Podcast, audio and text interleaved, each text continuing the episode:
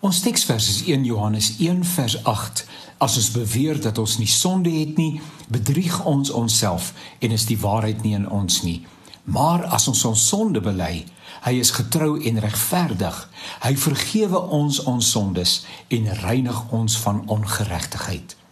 Sonde is nie 'n gewilde onderwerp nie en is heeltemal verstaanbaar. Wie wil nou oor iets so negatief en dikwels veroordelend praat? Daar's daarom genoeg negativiteit in hierdie wêreld dat 'n mens tydig en ontydig aan sonde herinner moet word. Is die kerk nie dalk juis so leeg omdat ons vir te lank sonde as die tema van die erediens gehad het nie?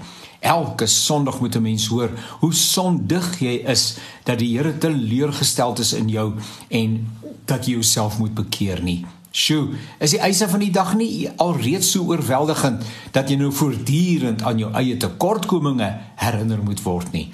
Ja, is eintlik belangrik om oor hierdie tema, die tema van sonde te praat. Nou, vereers moet ons net seker maak dat dit wat as sonde beskryf word, nie iemand anders se voorkeur of afkeer verteenwoordig nie. Ons vind dit dikwels dat uh, mense besluit wat reg en verkeerd is.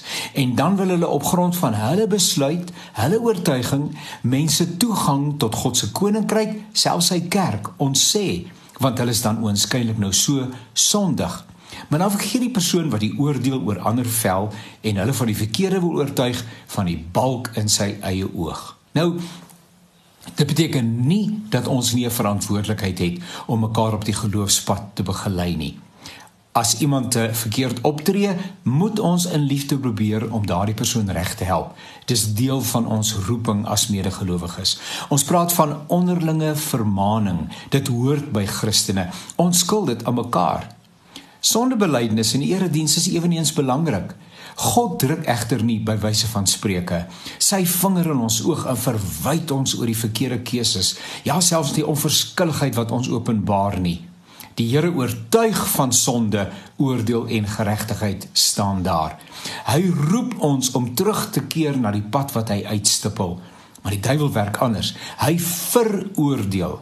Die Here deur sy gees oortuig, maar die duiwel veroordeel. Hy skryf jou af. Hy laat jou minderwaardig voel. Hy vertel jou die leuen dat die Here met jou opgegee het. En hy vra waarom sou die Here hoegenaamd vir jou lief hê? Jy wat hom dan so aanhoudend teleurstel.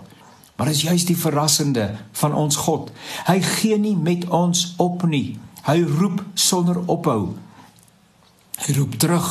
Hy wag dat ons soos die verlore seun in nederige afhanklikheid sal terugkeer. Sonde is nie die einde van die pad nie. Dis onverskillig, dis onnodig en ons moet onsself deur die gees van God laat lei. Maar sou ons dan in sonde geval het, is dit nie die einde van die pad nie. Dit is en kan die deur wees na 'n nuwe begin solank ons onder die liefdevolle oortuiging van die Heilige Gees terugdraai na die een van wie ons probeer wegloop het.